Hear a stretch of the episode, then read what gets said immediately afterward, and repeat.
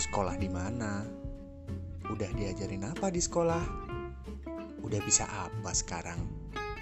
Temennya baik-baik gak di sekolah? Ikut ekstrakurikuler apa? Mau kuliah di mana nanti? Kampusmu kegiatannya ngapain aja? Skripsimu tentang apa? Udah ada rencana kerja apa setelah lulus? Dan seterusnya. Itu pertanyaan yang sudah nggak asing lagi selama kita hidup dari kecil. Apakah pendidikan itu tentang di mana kita sekolah dan kuliah? Apa tanggung jawab kita sebagai orang tua, sahabat, teman, dan guru?